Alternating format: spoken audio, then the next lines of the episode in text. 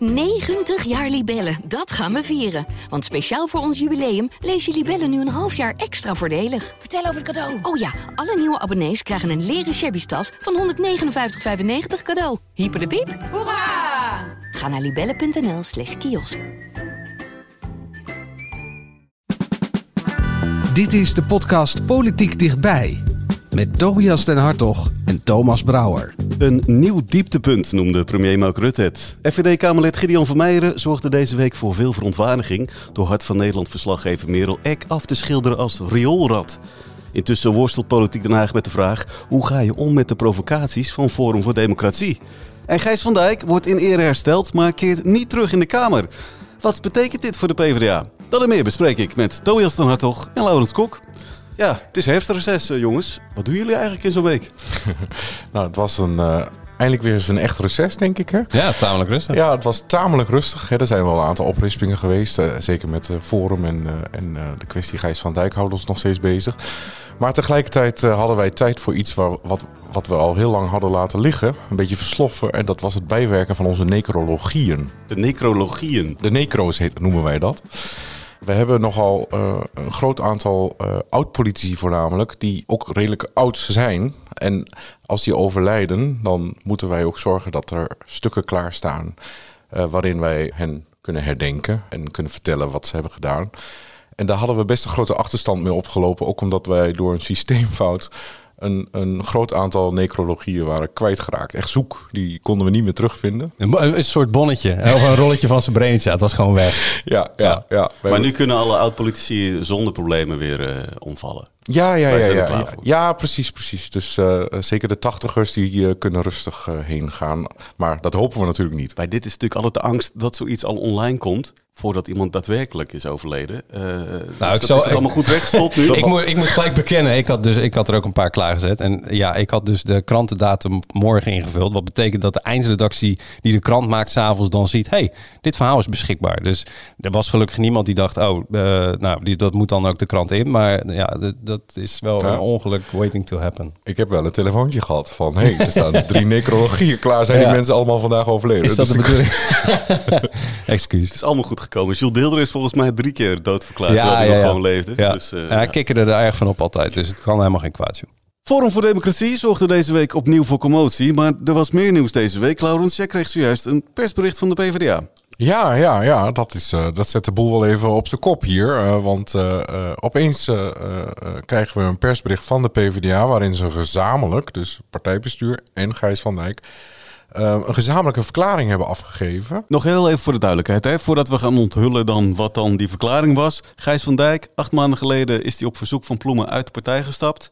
Er zijn toen allerlei onderzoeken geweest. Er zou iets te maken hebben gehad met mogelijk eh, grensoverschrijdend gedrag. Ja, ja, hij is uit de fractie gestapt, hè, uit de Tweede Kamer. Hij heeft het Tweede Kamerlidmaatschap neergelegd naar meldingen van grensoverschrijdend, grensoverschrijdend gedrag, zo'n rot woord.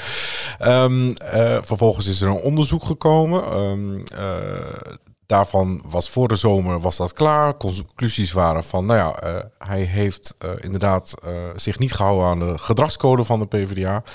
Ehm, en daarop heeft het partijbestuur besloten om hem eh, eh, te berispen openbaar. En ook gezegd dat het niet wenselijk was als hij terugkwam in de Tweede Kamerfractie. En dus werd ook gezegd, hij is niet welkom. En als hij zich meldt, dan eh, kan hij lekker voor zichzelf, maar niet in onze fractie. Vervolgens kwam de beroepscommissie vorige maand met het oordeel dat Gijs van Dijk ten onrechte is berispt. En dat het onderzoek wat is gedaan, dat ze dat in ieder geval op de basis van de samenvatting die de beroepscommissie mocht inzien, dat hij daarvoor niet eh, op die manier berispt had mogen worden. Dat zette de boel helemaal op zijn kop, want die berisping eh, wordt dan ongedaan gemaakt, want dat is de macht van de eh, beroepscommissie. Hè? Dus, dus die heeft in principe een, een, een- doorslaggevende, doorslaggevend oordeel. Alleen het partijbestuur die wilde daar niet in mee. Die zei van nee, we blijven alsnog achter die con- conclusie staan. Dus dat was een soort, ja die twee die gingen, eh, partijbestuur en, en Gijs van Dijk, die waren op ramkoers. En eh, dat werd steeds penibeler. Zeker nadat het mogelijk was dat hij echt terug zou keren. Ja. Want Khadija Ariep zei dat ze zou vertrekken. Ja, klopt. Ja, daardoor werd het ook actueel. Ariep eh, heeft haar vertrek aangekondigd. Dus er komt een plek vrij in de PvdA-fractie. Eh Ploemen zal die niet innemen, dat weten we. En, maar dan komt de volgende op de lijst en dat is Gijs van Dijk. Dus dit was eh, iets wat ja, nu ook opgelost moet worden. En de afgelopen dagen zag je ook dat de druk enorm werd opgevoerd op de partijvoorzitter Esther Mirjam Sent. Want die kreeg steeds meer kritiek te verduren vanuit haar eigen partij van... hey, is dit eigenlijk wel goed verlopen? Ja, want nu komen we bij eh, het persbericht. Ja, laat ons niet in spanning houden. Dus vertel, hoe hebben ze het dichtgesmeerd? Ja, ja, dit is. eh, kijk, dit soort persberichten, die, ik, ik geniet er heel erg van, want eh, er staan dingen in, maar er staan ook dingen niet in. Hè? Dus we lopen het gewoon even langs. Maar Ja. even, eh, even in het kort, eh, waar zijn ze nu op uitgekomen? Het partijbestuur erkent dat de procedure waarop het onderzoek is verlopen, dat dat onzorgvuldig is geweest. Vormfouten, zeg maar. Precies, precies. Daar bieden ze ook hun excuses voor aan aan Gijs van Dijk. Ehm, vervolgens eh, zeggen ze ook dat het partijbestuur onderschrijft dat het ging om meldingen in de privésfeer. En ze zeggen ook dat eh, er ehm, geen meldingen eh, zijn gedaan die betrekking hadden op seksueel grensoverschrijdend gedrag. Wat nog weer. Nou, en dat ze ook betreuren dat ze die indruk nooit eerder hebben weggenomen. En daarmee zeggen ze eigenlijk van, en hiermee eh, volgen wij dus het oordeel van de beroepscommissie op en staat op zich niks Gijs van Dijk in de weg om terug te keren in de PvdA-fractie. Maar dan komt Gijs van Dijk. En die zegt dan van dat hij heel blij is met de excuses. Nou, eh, dat snap je allemaal. En dan eh, zegt hij dat hij alles afwegend een nieuwe start wil maken. Ehm, en dat kan hij natuurlijk in de Tweede Kamer doen, maar toch kiest hij daar niet voor. En hij komt dus niet terug. En dit heeft dus alles, nou ja, Tobias, ik weet niet wat jij ervan vindt, maar Ja, nee, je, je, le- je leest het ook heerlijk voor. Want dit is, dit is precies eh, met die, met die beetje glimlach in je, in je stem als het ware. Want dit is echt heerlijk. Hier is over vergaderd. Over ieder zinnetje, ieder woordje heeft Gijs van Dijk en het partijbestuur natuurlijk eh, drie keer bekeken en ons te boven gehouden van zullen we dit zeggen, zullen we dat zeggen. En we zeggen wel sorry voor dit deel, voor de vormfouten, maar we zeggen niet sorry voor eh, wat er dan mogelijk gebeurd kan zijn waarvan we niet meer kunnen stellen dat het is gebeurd, want het was een ondeugelijk onderzoek. Dit is echt zo heerlijk dichtgesmeerde de, teksten om iedereen te vriend te houden. Behalve, denk ik, toch? Ja, ja, want wie ontbreekt er? Wie, wie, wie schittert door afwe- afwezigheid in deze hele verklaring? Dat zijn de klagers. Kijk, eh, als je ziet wat er is gebeurd hè, na de melding en dat eh Lidiane Ploemen destijds als fractievoorzitter en KT Piri, die hebben gelijk eh, het heft in handen genomen en gezegd van Gijs van Dijk, je bent je woordvoerderschap kwijt en eh, ik zou ook maar, maar beraden of je nog wel Kamerlid wil blijven. Waarop hij vervolgens is weggegaan dat was natuurlijk al een, een standpunt waarbij dus de fractietop gelijk pal achter die klagers ging staan. Vervolgens kwam het onderzoek, waarvan we uiteindelijk het rapport nooit hebben kunnen zien, maar wel de samenvatting. En de samenvatting, daar stonden natuurlijk wel een aantal dingen in. Nou ja, ik heb het er nog even bij gepakt. Maar daar staat bijvoorbeeld in dat er sprake is van, eh, eh, in ieder geval dat het aannemelijk is dat de melders zich grensoverschrijdend en of ongewenst voelden behandeld. Ze zijn belogen en bedrogen en is pijn en verdriet gegaan. Een van hen is ernstige, beroepsmatige gewetensnood gebracht en de politieke ambities van de ander zijn gefrustreerd. Dus dat Ja. was nogal een opzomming. Daar bleef het niet bij, want daarnaast werd ook nog gezegd... Gijs van Dijk heeft de gedragscode overschreden. Maar hier staat dus wel eh, grensoverschrijdend gedrag en niet seksueel grensoverschrijdend gedrag. Dus daarvan kan je dan zeggen, oké, maar da- dat valt dan buiten de scope. hè. Dus dan zeggen oké, seksueel grensoverschrijdend dat was er niet. Maar, dat stond er wel toen al niet. Nee, dat stond er toen al niet. Nee, precies. dus daar kan je rustig sorry voor zeggen. Maar grensoverschrijdend gedrag stond er wel degelijk. En Ja. het leest dus alsof eh Gijs van Dijk gewoon een potje heeft gemaakt van zijn privéleven. En dat hij toch in zijn beroep toch me- mensen heeft benadeeld. En daar, ja, die, die mensen, die staan nu in feite Ja. ja. in de kou. Ja, precies. En ook wat ook, eh, als je dan kijkt naar het eerdere statement van de PvdA, dus wat ze hebben gedaan nadat het onderzoek er, er kwam, eh, dan zeggen ze ook eh, dat, eh, nou, dat het onderzoek dus concludeert dat Van Dijk de erecode en de gedragscode van de PvdA heeft geschonden. En dat zijn gedrag zich niet louter in de privésfeer heeft voltrokken. Dat hebben ze als standpunt ingenomen. Nu, in het persbericht van vandaag, dus gaan we weer terug, hè, alles is anders. En dan staat er opeens een heel mooi zinnetje. Het partijbestuur onderschrijft dat de kwestie draait om meldingen die betrekking hebben op de privésfeer. Dus zeg maar buiten de privésfeer, dat is er opeens niet meer. Wat Tobias al zei, dat is, hier is natuurlijk uren aan geknutseld. En, en tegelijkertijd, kijk, wat je gewoon ziet is dat Gijs van Dijk ja, had een soort wisselgeld, denk ik. eh, van oké, de hele partij zat hier in zijn maag. Moet, moet, moet hij terugkeren in de fractie, ramkoers. Nou, hoe kom je hier uit? Want dit was een politiek conflict wat, wat opgelost moet worden. Wat wilde Gijs van Dijk? Die wilde Naamzuivering. ja, die wilde naamzuivering. Ja. En dus is het partijbestuur daar zo ver ze konden in meegegaan, ehm, denk ik. Eh, zo lees ik het in ieder geval. Ja, ik denk het ook. Ik denk dat eh, Gijs van Dijk denkt, ik kan hiermee eh, wel weer over straat. En ik denk dat de PvdA denkt, nou, we hebben een politiek probleem opgelost. Gijs van Dijk komt niet terug. En we hebben erkend dat de procedure, nou ja, kort gezegd, ruk was. Ja, ja, want de procedure, waar staat het allemaal vast? Want waar gaan die dus e- excuses dan echt over? Excuses gaan over dat het partijbestuur in de tijd heeft afgesproken met de klagers dat het onderzoeksdossier geheim zou blijven. En dat is altijd een steen des aardstoots gebleven. We kennen alleen maar de, samenvatting. Ja. En waarom heeft ook het, eh, de interne beroepscommissie van de PvdA toen gezegd van dit besluit moet teruggedraaid worden? Want die mochten ook het onderzoeksdossier niet inzien. En die zeggen dus van ja, wij kunnen helemaal niet nagaan of die conclusie die jullie hebben getrokken, of die wel op waarheid berustte, hè, of je dat wel kon doen. En dat, dat, je daar dus die sanctie aan kon verbinden. Nou, en, en dat was natuurlijk het lastige punt waar eh, de partijvoorzitter Sent hier helemaal klem kwam te zitten. Hè, want zij, kon, zij had afgesproken dat ze dat niet, dat ze dat onderzoeksdossier niet openbaar mocht maken.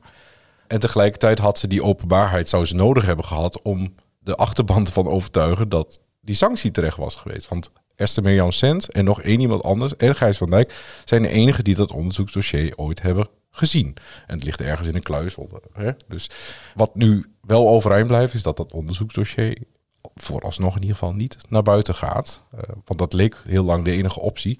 Nou, dat wilden de klagers natuurlijk niet. Dus dat is misschien, zou je kunnen zeggen, de enige geste die is gedaan aan de klagers. Maar ik, ik kan me niet voorstellen dat zij blij zijn met deze uitkomst. Ehm, en Ik denk dat de, al met al, weet je wel, politiek probleem opgelost. Maar de PvdA staat er nou niet op als de partij waar je moet zijn als het gaat over het bestrijden van grensoverschrijdend gedrag. Of het ermee omgaan, of de MeToo-partij. Dat- Ik bedoel, dat is, eh, de, de- ze moeten even een beurtje overslaan.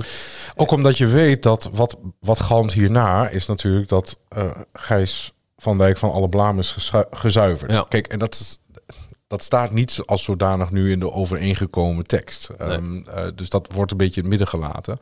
En dat is natuurlijk voor de klagers zal dat eh, ja, heel zuur zijn dat ze, dat ze dat moeten lezen en dat dit er dus dan uitkomt.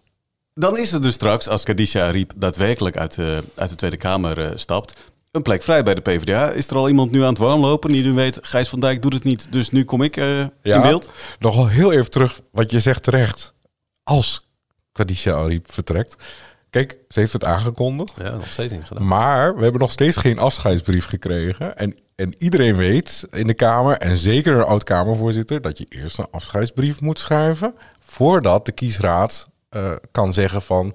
U bent de volgende op de lijst die een zetel mag inleveren. Dus Khadija Ariep heeft dat al die tijd nog, ook nog een beetje boven de markt laten hangen. Waarbij zeker de fans van haar nog wel enige hoop eh, zullen hebben van misschien blijft ze toch nog wel. Alleen Is die, is die kans er echt nog? nou, ik, ik, ik durf dat niet te zeggen. Dus eh, ik ga er nu vanuit dat zij eh, waarmaakt wat ze heeft gezegd, nou dat ze vertrekt. En dan is de procedure als volgt. Dan belt de kiesraad de eerstvolgende op de lijst. Nou, dat is in principe is dat Lilianne Ploemen, want die is vertrokken, maar die heeft al aangegeven bij de kiesraad. Mij niet bellen. En eh, eh, de volgende op de lijst dan na Gijs van Dijk is Kirsten van der Hul. Eh, oud Tweede Kamerlid, woont in Den Haag. Maar zij is wel begin dit jaar een nieuwe functie begonnen. En ja, het is ook de vraag, wil zij, dat weten we niet, maar wil zij tussentijds instappen? Of zegt ze van ja, ik laat deze beurt even aan mij voorbij gaan. En dan komen we meer naar het noorden. Dan komen we bij Julian Bushoff uit Groningen. Nou ja, en, maar de lijst die is natuurlijk 40 mensen lang. Dus wat dat betreft, uh, ze vinden altijd wel iemand uh, die, die, die, die, het stokje overneemt. Tenzij Ariep dus blijft. Maar ja, dat, is, uh, dat gaan we zien. Forum zal op of zijn of zal niet zijn. Vorige week was er veel te doen rond de partij toen Thierry Baudet verklaarde een aanhanger van samenzweringstheorieën te zijn. En ook deze week zorgde de partij voor veel ophef. Ik ben helemaal ontdaan van het nieuws dat zojuist is binnengekomen. In deze nieuwe serie laten wij rioolratten in hun ware gedaante zien. En dan heb ik het dus over een verachtelijk persoon. Dit is onacceptabel, riooljournalistiek in de ergste vorm. En daarom ga ik nu mevrouw Eck even opzoeken om haar met haar gedrag te confronteren. Camera weg. We hebben de camera weg, maar ik zou heel graag vragen willen stellen. Is dat goed? Ja, maar dan wil ik wel gewoon de camera inderdaad weg. Ik vind het helemaal prima. Maar dit vind ik een beetje. Je kan niet zeggen wij nomineren dit, maar Nederlanders mogen stemmen. En dan halverwege dat stemproces maar zeggen ja, die regel dat gaan we niet doen. En we, we, we wijzen zelf een winnaar aan. Het is echt, het is echt zo'n ontzettend rare gang van zaken. Het enige wat ik kan zeggen is jongens, opheldering en you, you better come with a very good story. Ja, Tobias, jij volgt deze partij al een tijd. Ja. Hoe kijk jij hier nou naar, deze gebeurtenissen van de week? Nou, ophefjes weer, hè? precies wat, de, wat, wat eh, eh, Forum eh, voorspelde en wilde zijn. Kijk, twee kwesties hoor je hier door elkaar heen. Hè. Eén is eh, Gideon van Meijeren, Kamerlid van Forum, voelde zich on, onheus bejegend of onterecht behandeld of in de hoek gezet door een verslaggever van, van SBS. En die ging terug om verhaal te halen met een filmpje waarin hij zegt, rioolratten, dat zijn dan de journalisten ontmaskerd en dan gaan we eens even verhaal halen. Dat deed hij dan vervolgens met een camera die hij zogenaamd uit had gezet, maar dan hoor, eh, hij liep door en je hoorde eh, de verslaggevers in kwestie ook nog reageren. Nou, dat gaf voor die, eh, voor die journalisten een heel onveilig gevoel. Hè. Er wordt een soort van heimelijk opgenomen door een Kamerlid dat verhaal komt halen op haar terrein bij haar eh, fractie of bij haar werkkamer. Dat gaf dus nou ja, aanleiding om voor Rutte en voor Kaag en voor een aantal kabinetsleden, maar ook journalistenorganisaties, hoofdredacties te reageren en te zeggen van eh, hier wordt een, eh, een, eh, een grens overschreden. En de andere kwestie die je ook hoorde was de NS Publieksprijs, het boek van Baudet Ding de Mee. En er zijn mensen die hebben met valse e-mailadressen hebben een stem uitgebracht op zijn boek. En nou ja, uiteindelijk kwam dat aan het licht en is die verkiezing stilgelegd. Nou ja, goed. Eh, ja, je hoort het al een beetje aan. Nou ja, goed. Het, het is een beetje. Het is effectbejag van de partij om aandacht te genereren, om reuring te veroorzaken, om het nieuws te halen. En kijk, als media en als eh, politieke tegenstanders, je worstelt er soms mee in de zin van moet je dit aandacht geven of niet, want je maakt het groter. Maar het, ja, het zijn ook feitelijkheden die gebeuren. Die verslaggever is echt opgezocht en die publieksprijs is echt stilgelegd. Dus daar probeer je verslag van te doen, maar het is wel een beetje een worsteling. Want het is wel, je speelt ook Forum in de kaart. Ja, je speelt ze in de kaart. Ik kan me voorstellen dat jullie tijdens jullie eh, redactievergaderingen ook wel discussie hebben over, ja, zolang wij dit blijven melden in onze, in onze berichten, zullen dit soort dingen ook blijven plaatsvinden natuurlijk. Ja. Ja, maar we melden zeker niet alles. We laten ook echt een hoop gaan. Eh, ook omdat we weten dat wij een soort versterkend effect kunnen hebben. Hè, en dat, dat ze daarmee... eh, En wat we ook bij andere partijen doen, hè? We schrijven ook over andere partijen niet, eh, niet alles wat, eh, wat, ze, wat ze te melden hebben over rapportjes of dingetjes of plannetjes of wat dan ook. Ja, ja. In die zin is het wel, ligt het gelijk op de zeef, maar het is wel, omdat zij via hun eigen mediakanalen vervolgens ook klagen. Hè? Ze hebben hun eigen platforms op Twitter, op, op, op, Instagram. Vervolgens klagen ze daar als ze geen aandacht krijgen van kijk, we worden genegeerd. Eh, dat is iets wat je bij andere partijen niet ziet. En dat is wat Forum, dat is het zelfversterkte effect van wij worden buitengesloten door de elites, door het kartel, door, door de media dus ook. Hè, de journalisten worden ook gelijk op één hoop geveegd met de macht. Die we eigenlijk juist proberen te controleren, samen met Forum zou je kunnen zeggen. Uh, maar we worden gelijk op één hoop geveegd met, kijk, ze sluiten ons buiten. We, doen, we mogen er niet toe doen. En uh, ja, dat heeft een soort zelfversterkt effect dan ook. Hè? Ja, dat, dat is de slachtofferrol natuurlijk die we vaak zien. Uh, ook omdat, want je, zeker als het forum aangaat, dan is het heel vaak zo, zie je een bepaald patroon. Ze zeggen iets, waardoor iedereen denkt van, wat hebben ze nou weer gezegd? Dat kan toch niet? Mensen reageren daarop, hè? Dat, dat zien we ook heel sterk. En dan zien we uiteindelijk, pas een dag later of uh, wanneer iedereen er al overheen is geweest, dan hoor je van, ja, maar we hadden het natuurlijk niet letterlijk bedoeld. Het was een Ja. metafoor. Of het was in de context. Of Het was- ja. Ja, en, en zie je nou wel, jullie willen alleen maar altijd ons eh, pakken. Hè, dus dat zit de slachtofferrol, komt dan weer terug van eh, dat, dat de pers in dit geval of andere eh, politieke partijen, dat die een agenda hebben om, om eh forums te, te, te willen pakken op, op wat ze zeggen. Dus dit is voortdurend een soort systematiek eh, die, die zij zelf voeden en vervolgens dan weer hun handen van aftrekken. En eh, ja, dat is wel eens een worsteling natuurlijk. Ja, en wat je nu dus ook krijgt, ik bedoel, kijk naar eh, deze, deze video met Merel Eck. Je wordt als journalist zelf ook in, de, in een bepaalde rol gedrukt. Ja. Ja, nou vind ik het niet heel erg dat wij als journalisten beter moeten nadenken over hoe we met Forum omgaan. En dat is puur om de reden dat zij qua politieke standpunten zo ver bij de rest vandaan staan en zo ver buiten het spectrum uh, liggen. Dat je, dat je goed moet nadenken over uh, dat je dat ook een, uh, een, een, podium biedt. Hè? Want ze hebben, gewoon, ze hebben gewoon kamerzetels. Ze hebben veel, maar, veel maar stemmen gehaald. Veel, maar niet heel veel kamerzetels. Het is niet een van Nee. de grotere partijen. Nee, je moet naar de verhoudingen kijken. Maar het is wel, eh, eh, ik denk wel dat het een, een, eh, een, eh, het verdient een faire benadering. En je moet er dus ook echt goed over nadenken hoe die benadering is. Maar de wijze waarop eh, de SBS-verslaggever wordt, wordt, ja, wordt benaderd, dat is, dat is totaal ongewoon. Dat, dat, dat kennen we niet zo. Dat, is... Sterker nog, ehm, als wij dat zouden doen in het Tweede Kamergebouw, stel, hè, hebben ook een video-medewerker en wij zouden met een draaiende camera op de gang naar iemand toe lopen en filmen, nou, dan eh, raken we onze accreditatie kwijt. Dat mag gewoon niet. Is- Ehm, Maar dat zijn regels voor journalisten. Precies, Ja. en dat is ook de worsteling. Wat ook niet mag, is überhaupt eh, zeggen dat je de camera uit hebt gezet en dan eh, vervolgens door laat lopen. Mag ook niet. Alleen, ik heb hier natuurlijk ook eh, contact over gezocht met de Tweede Kamer. Van, hey, als wij dit doen, dan uh, dus gaan jullie daar maatregelen tegen nemen. En dan is de vraag van, die dan wordt opgeworpen van, ja, je hebt zoiets als, als uh, journalisten die in het Tweede Kamergebouw werken. Je hebt iets als fractiemedewerkers die in het Tweede Kamergebouw werken. Maar, je hebt, maar Kamerleden hebben een heel andere positie.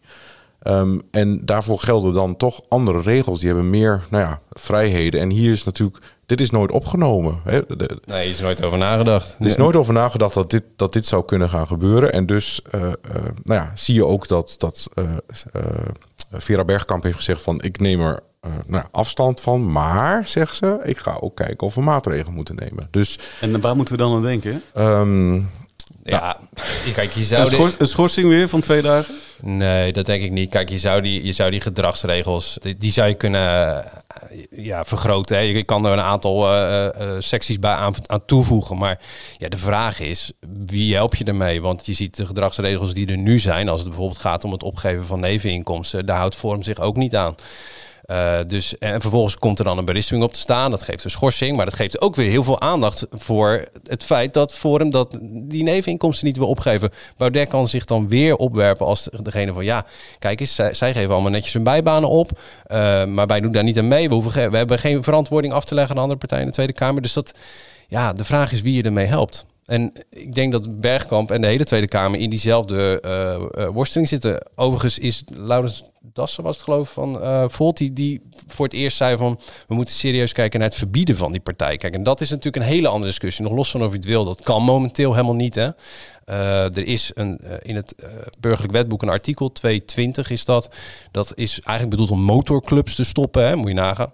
en, en dat schrijft voor dat er als, als, een, als een vereniging echt in strijd is met de openbare orde, met de rechtsstaat schaadt, hè, de internationale rechtsorde ook schaadt, dan kun je die club verbieden. Maar er zit een uitzondering voor politieke voor partijen. Politieke partijen. Dus dat, dat zou je dan ook nog eens moeten aanpassen, als je dat al wil. Hè? Want ja, laten we wel wezen, dat is nogal een vergaande stap. Nou, je merkt wel echt dat de houding veranderd is. Hè? Ja. Uh, ik, sprak ook partijen uh, eerder deze week en die zeggen van ja, die tijd van negeren, die is wel voorbij. Uh, en nu is het reageren, hè, daar zitten we nu in. Maar de stap van ingrijpen en echt een paal en perk stellen, bepaalde, nou ja, misschien wel tot een verbod, maar je kunt ook mindere grote ja. sancties opleggen. Dat komt wel dichterbij. ook omdat je wel ziet dat als zij toch al niet zich houden aan de reglementen die je hebt vastgesteld, dan kun je zeggen van foei of nou ja, zo'n schorsing. Als dat geen zin heeft, ja, dan, dan, dan, dan moet je toch een, een nou ja. Ik, uh... Dan moeten er toch op een gegeven moment sancties komen. Voor, voor nou, nu blijft het nog vooral op, op reacties. Laten we daar heel even naar luisteren nog. Of het gaat over reptielen, of het gaat over rioolratten. Ik word er scheidsziek van met die lui. Het is niet de eerste keer dat dit soort streken worden geleverd eh, door eh, Forum voor Democratie. Het is echt walgelijk. Hij noemt hier overigens de eerste aflevering. Daarmee ik aangeven, er komt meer. Het is laag, het is eh, ziekelijk wat hij doet. En eh, ik hoop dat er heel snel een einde aan komt. Ja, Laurens Dassen van Volt en Jasper van Dijk van de SP. Ja, eh, het zijn toch nu nog vooral reacties inderdaad. Verbieden, daar had Volt het dan al over. Ja, wat, wat zijn dan andere dingen die vanuit de politiek zouden kunnen worden gedaan? Kijk, je zou nog een financiële sanctie kunnen nemen. Dat je zegt van nou, je, krijgt eh, minder eh, vergoeding voor je fractie. Dus dat je, dat je het ook echt voelt. Ehm, of je krijgt eh, je schadeloosstelling wordt ingehouden. Hè, zeg maar het, salaris eh, wat Kamerleden krijgen. Dat soort sancties zou je kunnen, ne- kunnen nemen. Eh, ja, dan raak je ook eh, eh, hen in de portemonnee. Ja, nou, ik denk dat, dat het niks uitmaakt, want Gideon van Meijer is ook nog eh, statenlid en ook nog raadslid. Dus die krijgt echt meer dan voldoende eh, eh, op zijn bankrekening. Eh, en, ik, en Forum heeft gewoon zoveel leden, daar komt de bulk van het geld vandaan. Ik, ik, denk, ik denk eerlijk gezegd dat er niet echt een oplossing is. Behalve eh, het op democratische wijze via het debat gewoon eh, ja, de partij gewoon tegenstand blijven bieden als je het met z'n oneens bent. Hè? Gewoon politiek bedrijven. Alleen al die, die uitwassen, die, ja, die rare rariteiten, zeg maar. Ja, dat, daar sta je soms denk ik gewoon machteloos. Want de, de, de straf is niet altijd een straf. Soms is die straf of die maatregel genereert alleen maar meer aandacht voor, eh, voor de partij, voor Forum. Ja, en dat is natuurlijk ook wel het dilemma, hè? want ehm, ja, hoe ver wil je gaan eh, en, en hoe ver geloof je ook nog in een politiek debat? Eh, het is heel lastig om politiek gevecht uit te vechten als iemand andere spelregels erop nahoudt dan de rest. Eh, en, dat, en dat zie je hier heel erg gebeuren. En je kunt dus ook niet dwingen. Het is een beetje alsof eh, eh, iedereen speelt voetbal en zij spelen rugby. En dan zeg je van nee, jullie moeten volgens de voetbalregels spelen. En, dat, en ze zeggen van nee, dat doen we niet. We- wij, wij spelen volgens de rugbyregels. En daar kom je niet uit. En dan is het de vraag van eh, of dan uitsluiting of ver- verbieden, of dat de oplossing is. Of dat je toch eh, nou ja, eh, verder gaat met we gaan het toch in een nou ja, in een debatsetting en, en we blijven gewoon onze eigen standpunten halen volgens onze eigen spelregels. Ehm, maar dit is gewoon een heel groot dilemma. En ik denk ook dat heel veel partijen er nog niet over uit zijn wat, wat ze hier nou precies mee aan moeten.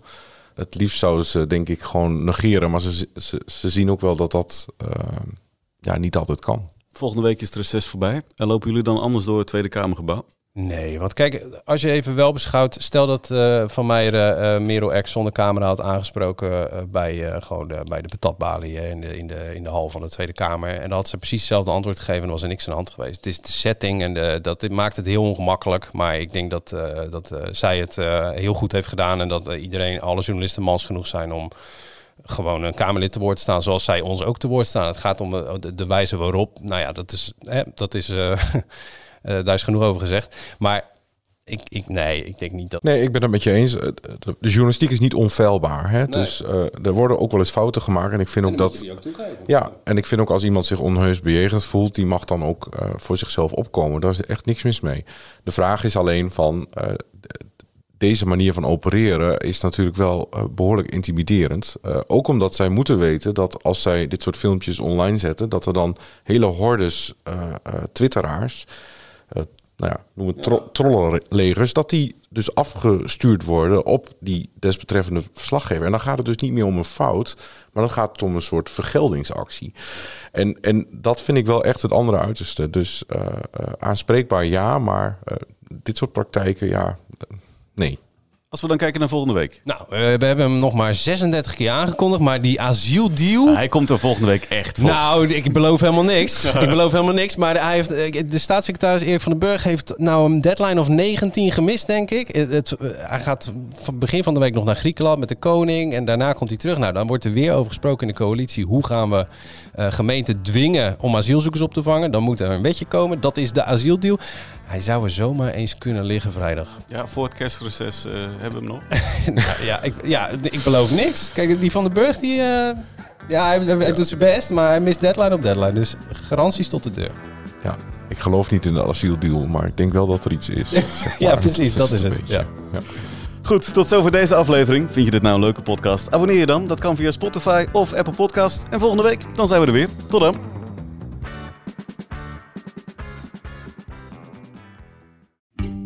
90 jaar Libellen, dat gaan we vieren. Want speciaal voor ons jubileum lees je Libellen nu een half jaar extra voordelig. Vertel over het cadeau. Oh ja, alle nieuwe abonnees krijgen een leren shabby tas van 159,95 cadeau. Hyper de piep. Hoera! Ga naar libellen.nl slash kiosk.